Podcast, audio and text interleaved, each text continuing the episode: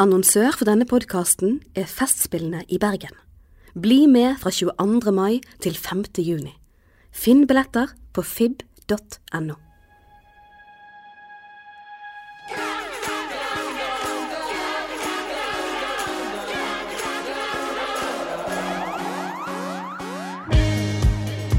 Du hører på Republikken, en podkast fra BT Kultur. Mitt navn er Kjetil Ullebø, og jeg er journalist i Bergens Tidende. Med meg har jeg min kollega Guro Bergesen. Går det fint? Det går fint. Går det bra med deg? Ja, det går kjempebra. Så bra. Republikken er en podkast fra BT Kultur der vi snakker med folkene som får kulturbyen Bergen til å koke. Rett og slett. Eh, Og i dag har vi med oss forfatter eh, Ida Lødemel Tvedt, som akkurat har sluppet debutboken 'Marianegropen'. Går det fint med deg? Det går veldig fint. Kjekt å være her. Og så har vi med oss uh, musiker Christian Stockhouse. Uh, Eller bare Stockhouse, som uh, han heter som soloartist. Og du har akkurat sluppet din nye plate 'Svorske tilstander'. Yes, Går det fint med deg? det går fint med meg. Vi kan kanskje begynne med de svorske tilstandene. Mhm. Hvorfor, eh, hvorfor har det blitt navnet på din nye plate? Um, altså, alle vet jo hvor jeg plukker på en måte utsagnet, eller på en måte tittelen fra, men Altså svenske tilstander. svenske tilstander. Men egentlig så var det Jeg har på en måte tenkt på den platen en stund, så, så det var mer aktuelt. Det lå nærmere på en måte den kontroversen, eller på en måte det utsagnet, da. Så det har jo drøyt litt, så det er ikke like mye punch i det nå.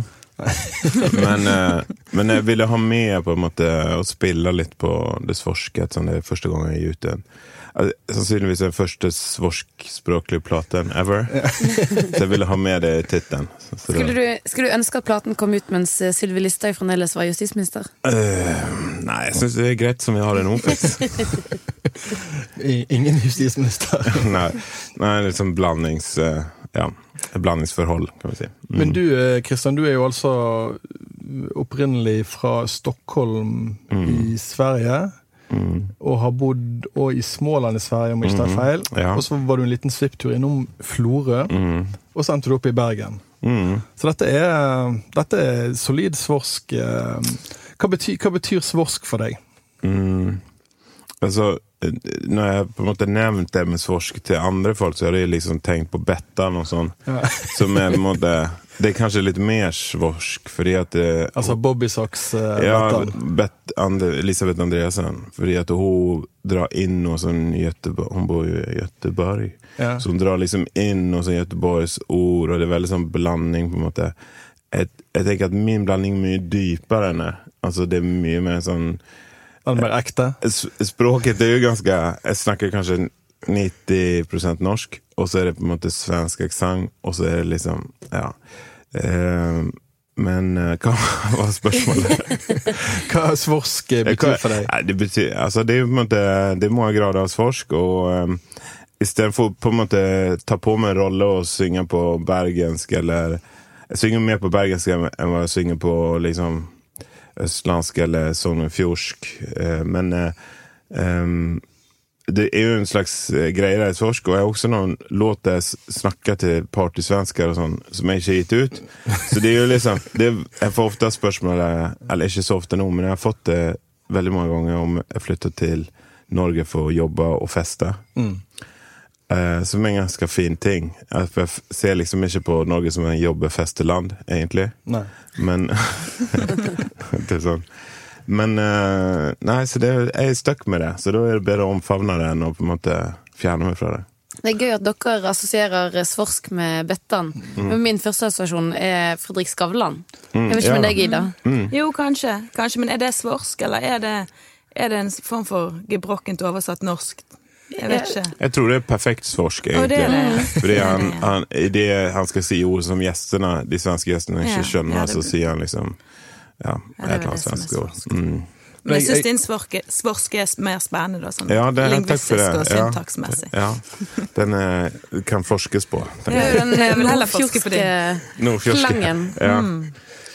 Men jeg tok et lite søk i avisarkivet på begrepet svorske tilstander. Ja. Og det er faktisk blitt brukt før. ja, det vet jeg. Det er noen som har sagt til meg. Eh, og- Klassekampen, var det? Eh, Ja, det var en kommentar i Klassekampen, men så Mm. er det òg blitt brukt i en VG-reportasje der de følger Siv Jensen på sånn såkalt harryhandel på Svinesund. Mhm.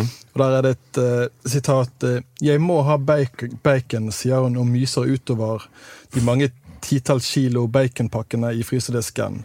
Siv Jensen vil ha svorske tilstander i norske matbutikker. Hun lover bedre utvalg og lavere priser hvis Frp kommer i regjering. Så det er altså, det er altså brukt før eh, svorske tilstander. Men eh, når Siv Jensen og myser, vil det si at hun lukker øynene? myser ikke hun hele tiden? Har ikke hun sånn mistenksom, mysende blikk fra før? Kanskje hun har det. Ja. Ok. Men du, Ida, du, eh, du, er, ikke, du er overhodet ikke svorsk, men eh, du er vel på sett og vis i en slags eh, kulturell spagat, går det an å si?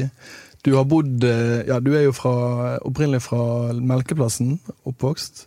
Og- Men nå har du bodd i eh, USA i syv år. I syv år. Noen påpekte til meg at jeg har sagt både seks og syv og åtte av de siste dagene, men det er ved syv. Noen talte for meg. Men eh, jo, nei, ikke noe sånn kulturell spagat, men eh, Eller det er ikke en veldig schizofren tilstand, i hvert fall. Jeg føler meg ganske laksevågsk. Men eh, jeg har nå bodd der de siste syv årene, og, men reist mye frem og tilbake. Og, og mye av jobbene mine, diverse strøjobber her, da, så jeg reiser mye hjem for å jobbe, så sitter jeg der og skriver. Men nå du, har du akkurat sluppet din første si, litterære utgivelser, kan man si, Marianegropen. Hva, hva er Marianegropen? Marianegropen er et eh, essay i 43 akter som handler om mange forskjellige ting. Den, eh, den begynner med et kor av bergenske barn som forandrer vandrer rundt på Laksevåg på Mel- Melkeplassen-området og lengter etter hav og avgrunner og selvutsletting og dramatiske opplevelser. De er noen, de er noen Som veldig man gjør. Som man gjør. De er veldig filosofisk pretensiøse, disse barna. De vil veldig mye.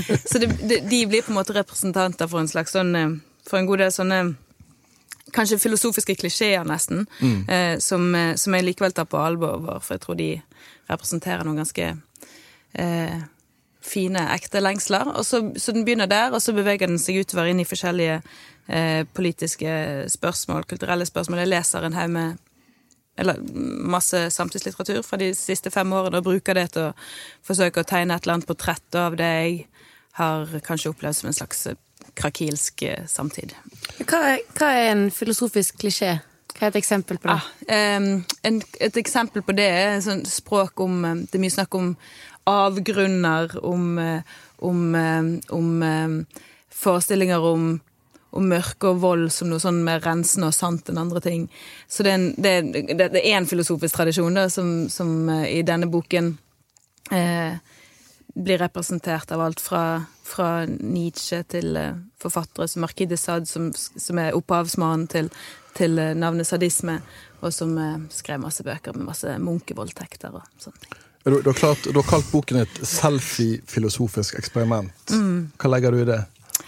Det er vel kanskje å bruke noen sånne klisjeer som gjerne er heftet med eh, vår og yngre generasjoners eh, eh, Når man lager stereotyper om, om eh, kanskje folk under 35, når man snakker om millennialske generasjoner, så, så har man masse forestillinger om en sånn en, eh, noe sånn apolitisk, narsissistisk em, dårlig konsentrasjonsevne osv. Så, videre. så jeg prøver å bruke alle de klisjeene som, som, som, eh, som, eh, som, man, som man gjerne bruker når man snakker om vår generasjon, yngre generasjoner, til å si ok, hva, hva kan hvis, hvis dette er sant, og hvis det er sånn folk har blitt, eh, hva kan disse folkene Hvordan vil kulturkritikk se ut hvis det er disse menneskene som skriver den? Jo, det må, må ta inn i, inn, i, inn i regnestykket dette her er dette selvfisket, da. Dette, dette, dette, denne selvanskuelsen, denne interessen i celler. Og så gjør jeg kanskje forskjellige ting med det i løpet av boken. Jeg, eh, jeg er eh, brukes på forskjellige måter. Det er ikke helt eh, identisk med meg. Det er, heller ikke, det er heller ikke en fiksjon, men det er noe Det er forskjellige ting mellom der, da. Hvordan jobber du med tekstene dine, Christian? Eh, Og hvordan har du jobbet med dem på når du har skrevet svorske tilstander? Um, jeg, begynte å skrive på engelsk, så det var en overgangsfase fra å lære meg å skrive norsk og uttrykke følelser og, og si ting som ikke hørtes helt uh, Ja, som hørtes veldig spesielle ut, da, for å si det fint. Um, og, men jeg på en måte etablert den nå, så er det veldig lett å skrive tekster for meg. Det er noe som kommer veldig lett. Men eh, samtidig så blir det veldig bra, så det er veldig heldig. Så greit, da. Ja. Det er sånn Og så er du veldig ydmyk, veldig flink på det. Ja, det er noe som Jeg eh, eh, Nei, jeg kan skrive Det er liksom forskjellig, men ofte så lager jeg bare instrumentaler, og så synger jeg litt tull på det, og så utformer jeg det, og så kan jeg ta liksom forskjellige varianter av ting og temaer og sånn. Og så hvis det har eh, Hvis det er bra liksom et par dager etterpå, så da går jeg for det, og så, så spisser jeg det, liksom. Men det, altså, utfordringen er jo at eh, liksom, det norske folk da, generelt er veldig dårlig på tekster. De veldig, følger veldig dårlig med på eh, Du nikker, Ida. ja, men så Jeg bare eng- tenker at det er være engelske, engelske tekster, for eksempel. Hvis man har skrevet utrolig bra tekster på engelsk, så får ikke folk det med seg. Eh, og da tenkte jeg sånn, ok, men nå skriver jeg på svorsk, og så, da får de med seg. Og ettersom jeg synger på en spesiell måte, så kommer de i hvert fall høre etter. Men da kommer man også i en utfordring der man eh, man kan liksom ikke pynte på ting eller liksom ta snarveier, utan man må liksom levere 100% hver gang. Um, så så eh, tematikker og liksom Tilnærminga til teksten må føles unik. For man kan ikke skrive samme tekst på nytt. Nei. Det er jo visse sjangre der det er veldig populært, og det må jo være veldig praktisk og på en måte repetere seg sjøl. Men i hvert fall for mitt vedkommende så, så går ikke det an. Så, så man må hente på en måte teksten fra For eksempel hvis jeg skriver en eh, kjærlighetssorglåt, så må jeg hente det fra en eller annen plass som ikke nødvendigvis er her og nå. Og så må jeg bare booste opp den og lage tre vers av den følelsen eller av den hendingen og sånn. Um, mens hvis det hadde vært på engelsk, så kunne jeg liksom I love you and you don't love me and that's too bad. Og så er det greit. Da har du Lager du den nå? Ja, jeg lagde den nå. Jeg sa jo at jeg kunne lage tekst veldig lett. Det var gripende. Kan du kjenne det igjen? Jeg kjente meg veldig igjen. Ja. Men er det lettere eller vanskeligere å havne inn i sånne klisjeer når du skriver på norsk eller svorsk, da? Vi kan si norsk fra nå av. Vi- Ok, greit, vi sier norsk, Ja, for det, den spøken går jo på en måte er flat etter hvert. Ballongen er tom nå. Bra du påpekte det. Ja, ja. Ja, fint. Um, nei, det er kjempevanskelig uh, å gjøre ting. Å få uh, Jeg ser på det Jeg vil utfordre meg sjøl òg. Å synge uh, låter der jeg på en måte liksom pepper meg sjøl. Og gjøre sånne låter, og låter som det er kjempeutleverende. Bare sånne spyr ut følelser. Og så har jeg lyst til å gjøre låter der jeg er bare frekk og freidig, og låter der jeg er seksuell, låter der jeg er politisk. Jeg har lyst til å gjøre alt, på en måte. Men det er utrolig vanskelig å på en måte komme dit når eh, Ja, når man på en måte alle skjønner hva man sier, på en måte. Og sjangermessig har ikke man gjemt seg i eksempel i black metal, så kan man jo synge hva som helst. Det er ingen som hører hva man synger. på en måte. Her står liksom vokalen i fokus, og det er relativt eh, popkulturelt uh, utsnitt på musikken. Var ikke det fin, fin setning? Veldig elegant formulert. Ja. Take that, norsk lærer på videregående. Jeg skal ikke nevne navn. Du vet hvem du er. Skjeggbukken. Jeg er ikke hva vi sa i sted om det der med at vi må ikke må komme med Nei, men Skjeggbukkene Skjeggbukken kan være hvem som helst. Det, det er sant. Ja, ja. Det kan være opptil flere norsklærere. Ja. Nå skal vi høre litt uh, musikk, Christian. Ja. Eh, Men, en- men det er ikke sånn at jeg må godkjenne brukeren av musikken hvis jeg skal ha den. Uh, Jo. Ja. Så vi skal ikke ha noe musikk. Får ikke lov å spille den sangen. Ja, spill i vei. Ok, Vi skal spille et lite parti fra en sang du ga ut for eh, 17-18 år Ja, siden. gjør det. Kjør på. Pisk meg. Nå kommer denne sangen, Ja. Wow! som heter DIY in the NYC. Ja, DIY in NYC. Ja. NYC. Ja. Som er du, hva do it yourself? Er det det som er det? Ja, ja. DIY in NYC. I never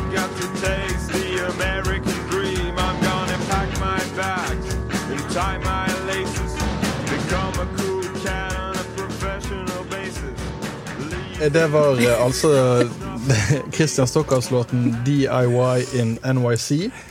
Eh, Den var på din første plate, Christian. Og så I forbindelse med den platen så gjorde du også et intervju med Bergens Tidende. Ja, er det noen som liker den nye funksjonen på eh, BTs hjemmeside? Det er veldig gøy, for du kan søke opp alle um, alt som har skjedd i livet ditt. Ja, jeg ja. Man finner, alle, alle finner noe de har gjort i Det burde ikke vært lovlig Mitt liv å i bruke sånt Nei, mot folk. jeg Det er mener jeg faktisk. Det burde være en sånn Dagsaktuelle. Ja, fem Og år. Hva så det burde grensen si gått. da? på en måte Helt sånn Dagens nyheter i morgen, dagens uh, Pace-materiale? eller Ja. boss, Det- det er bare eller Er? Dette støtter Nyheter, nyheter varer for evig. Altså, dette er den kjekkeste delen av Kjetil sin researchfase til Republikken. Det sitter Åh, og leser er så opp på gamle intervjuer. Han er Jeg så fant, jeg lat. fant deg og Ida, men eh, vi kan ta det en annen gang. Um, men det Paradise Hotel, i, den, Ida. Det. nå, nå må jeg få snakke. Ja, ok. Eh, das, I denne saken som er skrevet av Erik Fossen, som fortsatt Ja. er going strong i, på betekultur mm -hmm. Er det ny shout-out til Erik nå? yes. Manneklubb. Uh, Der står det uh, den, den siste sangen Stockhaus skrev, blir antagelig første spor på albumet hans, som kommer om et halvt års tid. Den handler om at han har lyst til å dra til New York og bli kjent med lofi-miljøet der. Eh, og så kommer sitatet. jeg, jeg har litt New York-fantasier. Vil dra til New York og gjøre noe tøft. Men først må jeg ta en blund. Det er refrenget på låten. Hvordan, ble, hvordan ble det med New York-fantasiene dine? um, Altså, Ja, nei, jeg, jeg har vært der, jeg. Eh, Jeg har ikke så mye fantasi nå, men Gjorde du noe tøft? eh, det gjorde jeg. Eh, jeg har vært der et par ganger, så noe tøft må jeg ha gjort på et eller annet tidspunkt. Eh, men eh, det er ofte sånn med eh, Når man blir sitert hvis vi, Folk som hører på denne podkasten, hvis den skulle bli på en måte kutta ned og liksom lagt til, til et intervju, så har det ikke vært like bra som når det ble skrevet ned. Nei, så jeg må bruke det til mitt forsvar òg. At Hvis det intervjuet hadde vært en podkast, så hadde det vært mye Ja, det hadde vært gull. Helt sikkert. Men, uh, nei, men det, var, det var jo også den perioden det var masse The Strokes og Moldy Peaches og Masse band i New York. masse band i New York, så det var liksom en ting som jeg eh, hengte meg opp i da. Eh, på en måte har jeg lyst til å liksom være fair med han, som jeg var da. Og liksom sånn eh, Ja, men du gjorde det bra, og jeg liker den du var, og sånn. På en annen måte så, så ja, Det har ikke noen relevans eh, til, for meg i dag. Nei. Jeg syns egentlig bare er kjempeflaut. Men du, eh, Ida, du dro jo til New York, og du gjorde jo noe tøft. Eh, ja, det har vært tøft innimellom. Men du har eh, bodd i New York i Nå er du egentlig i Aten en liten stund, men du, du har i hvert fall Det- bodd i syv år i New York og studert og, og undervist. Eh, hva var det som fikk deg til å liksom reise der in the first place? Det var ikke noen New York-fantasier, det var en haug med tilfeldigheter. Jeg ville egentlig et annet sted i USA, og um, søkte meg inn på skole. Det var- Og så fikk jeg stipend til å reise der, men så kom jeg ikke inn på skolen jeg ville inn på, og så satt jeg der med sånn, eh, noen penger som jeg ikke hadde fått hvis jeg ikke hadde kommet inn på et annet universitet i USA. Så det var en haug med tilfeldigheter. Og så, og, og så hørte jeg om et universitet der som heter The New School for Social Research, som eh, hørtes spennende ut. Men jeg visste ikke så mye om det, men det hadde en interessant historie. Det var ja, den er, den er lang, den historien. Men, ehm, men eh, så endte jeg opp der. Og så skulle jeg bare være der et år maks, og så skulle jeg være ett år til, og så ballet det på seg. Ja, for det er en by som har en veldig sånn tiltrekningskraft på, på unge folk. Hvordan er liksom eh, hvordan har det vært for deg å bo der som ung? eh? De sier faktisk det er sånn her eh, Jo, det har vært helt fantastisk. Det er ingen steder jeg har hatt det bedre, og det, det beste Det er det villeste, vakreste stedet jeg vet om. Det det. Men, eh, men man blir lei òg. Det er litt for mange amerikanere der. Men ellers så eh, Ellers så er det veldig fint. Det, det mm, er et veldig er- Det bybildet jeg er veldig glad i. Og om, om det å være på en måte i en sånn mengde av fremmede og holdt av de fremmede, og jeg liker meg best blant fremmede, ikke så godt blant folk jeg kjenner. Så derfor så, så er det et veldig, veldig godt sted for meg å være. Men, du, det eh, bruker jo du òg i boken din. Altså, du, du møter folk, og blant annet en sånn alt-right eh, amerikaner som heter Sebastian. Hvordan eh, tenker du at Brooklyn og New York har påvirket eh, måten du skriver på? eh, den amerikanske essaytradisjonen er jeg veldig påvirket av. Og um, Hva er det som kjennetegner den? eh, en um, mye bruk av eh, en sjøl. Litt, at, man, at det grenser litt over til en mer sånn journalistisk tilnærming. At man, eh, at man eh, reiser ut og møter folk, men òg at man bruker Det er jo en kanon som er litt sånn tysk, fransk, newyorksk av eh, folk som ja, Susan Sontag og John Didion og sånne folk som folk leser her òg, men som er veldig eh, Som har vært veldig interessant for meg og var veldig viktig for meg tidlig. Og så Og så har det òg Og så er det òg det er kanskje noe med at, at det, er et, det, er et, sted der hvor, hvor offentligheten er så rar. Den, den, den, litterære offentligheten er på en måte en sånn liten sfære som mm. snakker med hverandre på toppen over et samfunn hvor folk flest ikke leser. Og, og, så det er veldig annerledes her, og det lager en det, på godt og vondt, det lager en eller annen sånn, eh, energi som for meg har vært interessant mm. å skrive i. Ja, for I USA vil man finne folk som mener at Brooklyn egentlig ikke er USA. At det er en sånn Det finner man flere folk som sier her, egentlig. Jeg ja, møter stadig vekk sånne norske venstrefolk som sier 'du har ikke vært i Amerika', de, de, de, er, ikke, de er, ikke, tjukke i New York, bare reis til, til, eh, North Carolina, så ser du det autentiske Amerika og sånt bullshit. Det er bare tull. Altså, Alle steder er like ekte som alle andre steder, og like iscenesatt og kunstig. Mm. Det er en melting pot, kan man si. Nei, det vil jeg ikke! Skal vi lage sånn klisjékonkurranse? Nei, det er det heller ikke, for folk bor, folk bor veldig atskilt fra hverandre i, i, i, nabolag. Så egentlig er New York ikke en melting pot i det hele tatt. Folk eh, har møtt folk i Brooklyn som aldri har vært i Manhattan, og omvendt. Så det er ikke noe det, Jeg skjønner. Ser ditt poeng. Det er jo liksom som blanda vann og olje, liksom. Mm. At det er mer sånn ja. Den blir liksom separert. Men det eksisterer ved siden av hverandre, men det er separert fra hverandre. Noe sånt. Ja. Noe sånt. Hva, men hva er, det, hva er, det, beste og hva er det verste med å bli, bo i New York? Hmm. Um, det beste er at man er anonymiteten, og um, at uh, kan, du kan få ting til å skje når som helst, akkurat det du vil. alt det der. Mm. Og det verste er at folk er harde og ensomme og for strenge med hverandre, og at uh, en følelse av at folk ikke stoler på hverandre, og at uh, Og det er mye ja, spesialbuer og mm. er veldig, Folk er veldig harde. Det, den klisjeen er litt sann. Og nå skal vi høre noen ord fra vår annonsør. Vi er straks tilbake. The Sandman er en av storsatsingene under årets festspill i Bergen, og er blitt kalt en grusical, altså en grøssermusical. Forestillingen er laget av regissør Robert Wilson, en av vår tids største teaterkunstnere, med et fargesterkt og gjenkjennelig uttrykk. Sammen med Anna Calvis musikk og Hoffmanns uhyggelige historie om sandmannen fra eventyrene og en gutt som aldri helt klarer å fri seg fra marerittene, er det en forestilling som sitter i deg lenge, i både øyne og ører. The Sandman vises i Grieghallen 1. og 2. juni. Du ble jo eh, Du har vært i New York, men du ble, mm. ble stort sett værende i Bergen, Christian. Ja. Hvordan, eh, hvordan, har det vært å liksom styre musikken sin herfra? Har du, har du fortsatt å lengte mot større byer der ute? Eh, nei, ikke så mye, egentlig. Jeg liker meg veldig godt i Bergen. Um, jeg har et rikt indre liv også, så jeg kan ta av når jeg kjeder meg. men, men jeg tror um, Eh, er jo Altså, jeg måtte satse veldig mye på musikk, og jeg vært nødt til å ha en viss trygghet for å kunne gjøre det, og ikke kunne liksom slite med på en måte dårlige boforhold, eller mm. liksom sånne ting. Um, og nå som jeg på en måte etablert og har barn, så jeg kan liksom ikke tenke meg på en måte å bo en plass der truslene, eller der liksom Sånn som den hardheten som du snakker om. sant?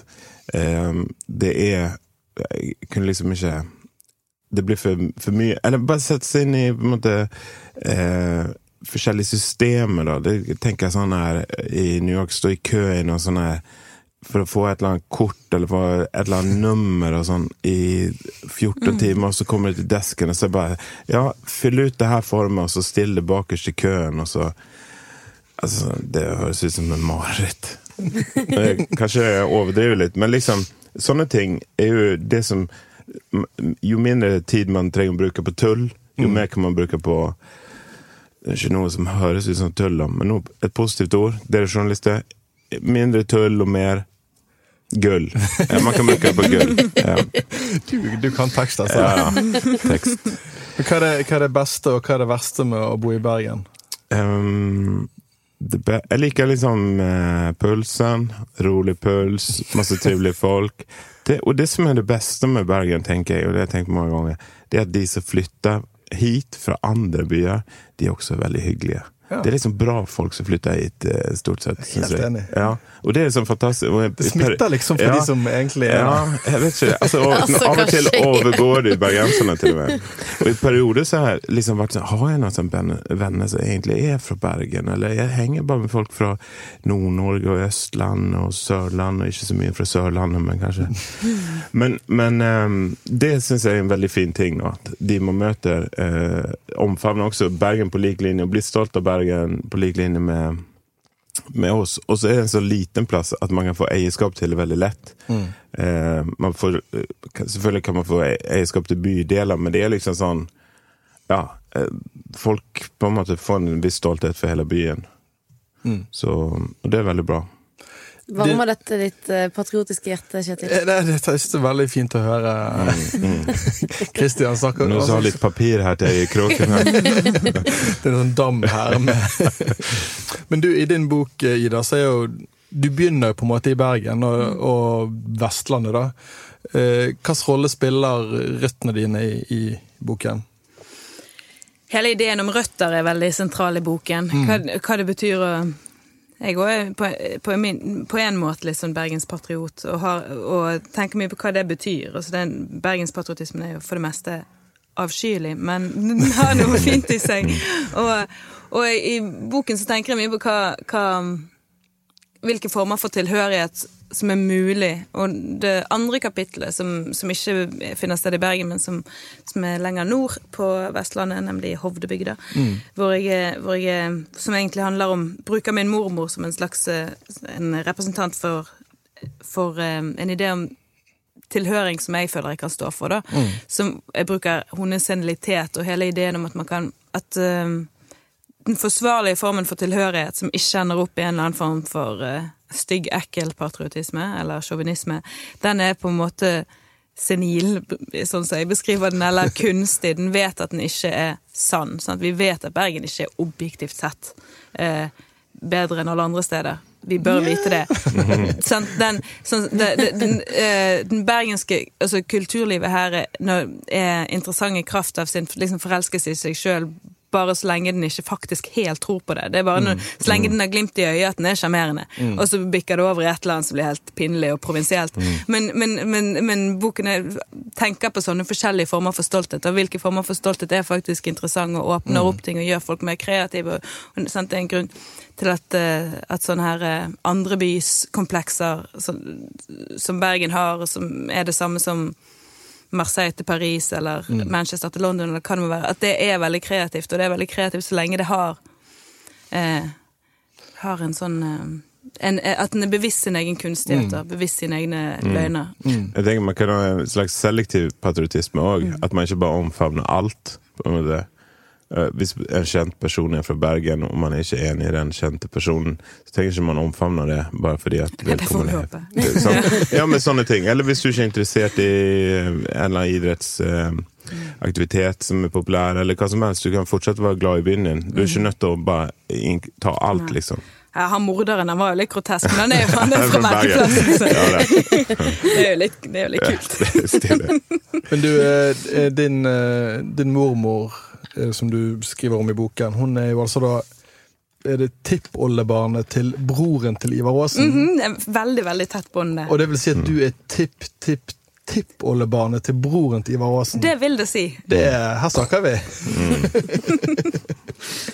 Siden vi har uh, to sånne kulturelle fyrtårn i studio Yes. Vanligvis sier han bauta, men Ja, ja, jeg prøver å veksle litt. Uh, Må ikke gjenta meg sjøl. Så tenkte vi kunne jo be deg om noen kulturtips. ja. Det pleier vi å gjøre. Um, kanskje du vil begynne, Christian. Har du en Ja. anbefaling til våre lyttere? Ja, eh, nå eh, Jeg tenkte jeg eh, mat og kultur. Så jeg var og spiste lunsj i dag på Jeg tror det heter Verdenskafeen i Nygårdsparken. Stemmer det? Ja. Eh, ah, den oppdaget jeg for første gang. Den som ligger der på ja. der Så de veksler på. Så hver onsdag i dag var det meksikansk mat, og så skal det bli afrikansk mat eh, eh, neste måned, tror jeg. Så da har vi spist veldig god og rimelig lunsj i flotte omgivelser. Ja. Så det syns jeg var kjempebra. Oppe, liksom, oppe på toppen av Nygårdsparken der. Der, Ja. man, eh, der man gjerne ikke hang før i gamle dager. Ja. Fordi- Det som har blitt reetablert, på en måte. Mm.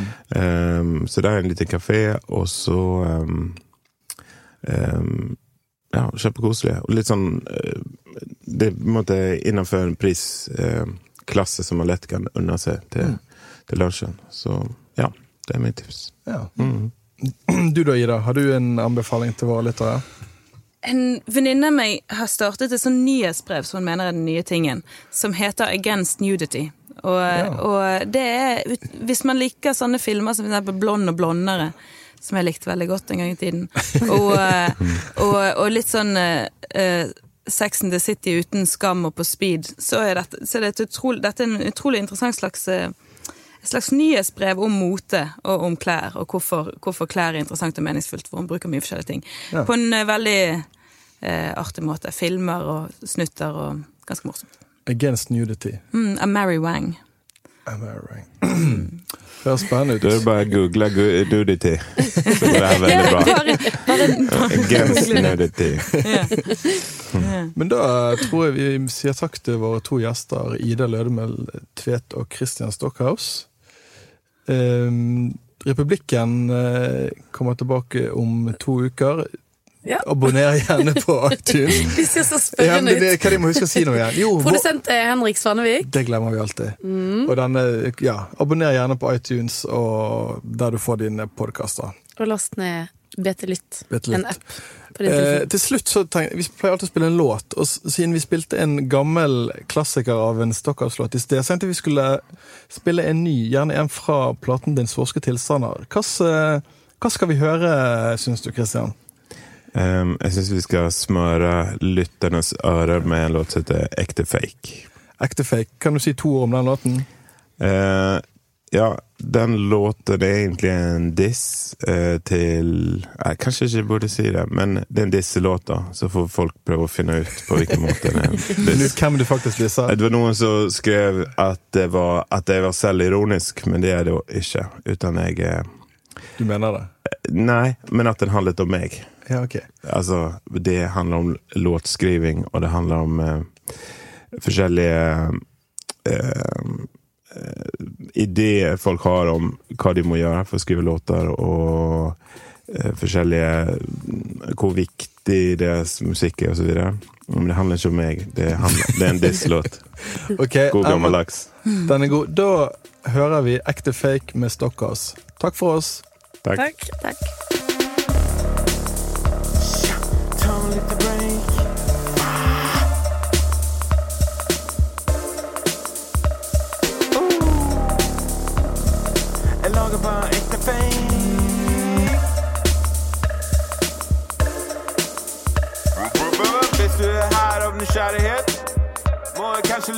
Leve. Og lage noe litt stimulerende. Liker du det sykt utleverende?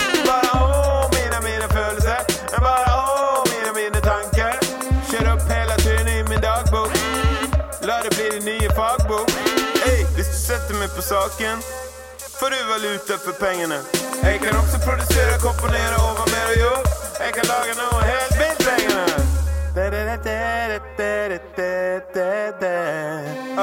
Sånn går dagene. Bare mekke disse landslaggene. Ta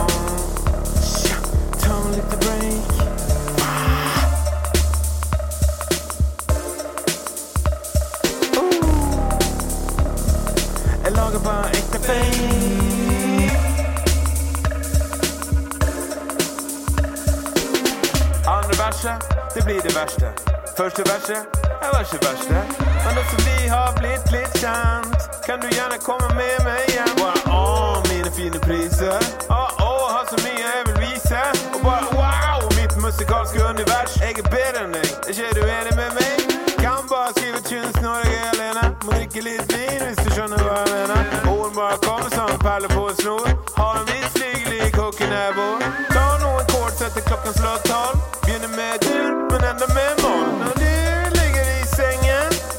bare sitter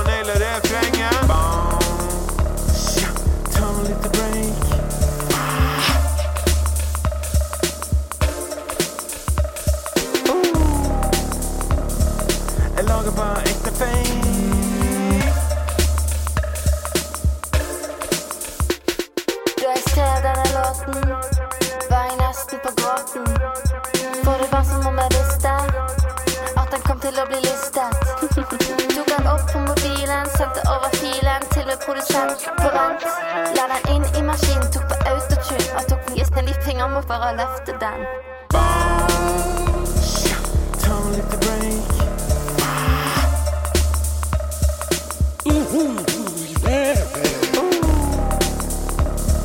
Jeg lager bare.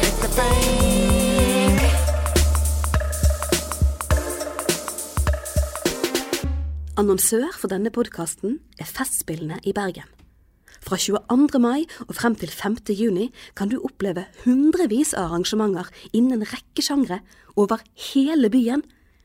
Visste du at de under 30 år kun betaler 190 kroner, uansett forestilling og hvor du sitter i salen? For mer informasjon se fib.no.